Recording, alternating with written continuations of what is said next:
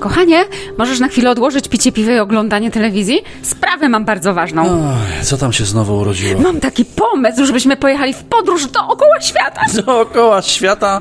Czy zwariowała? Mogę już wrócić do picia piwa? Nie, ja już wszystko wymyśliłam i zaplanowałam. Jasne. Wiem, że brzmi to jak szaleństwo, ale jest wykonalne. Dobra. A, właściwie, dobra, jedziemy, spoko. Ale czy ty w ogóle wiesz, ile to kosztuje? No oczywiście.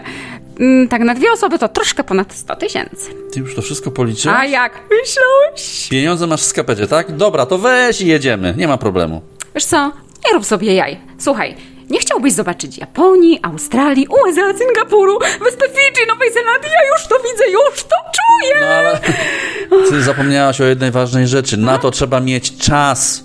Andy, siedzisz jak zwykle na dupie i tak nic ciekawego nie robisz. No ale skąd ty kasę weźmiesz? Przecież to trzeba znowu kurde na kolanach do banku iść. No to pójdziemy. Ja pójdę. No właśnie, ty A pójdziesz. ty się pakuj, malkontencie, widzisz tylko przeszkody. Co ty gadasz? Ja też chcę jechać w podróż dookoła świata. Tylko jak sobie pomyślę, że jeszcze później trzeba będzie wrócić.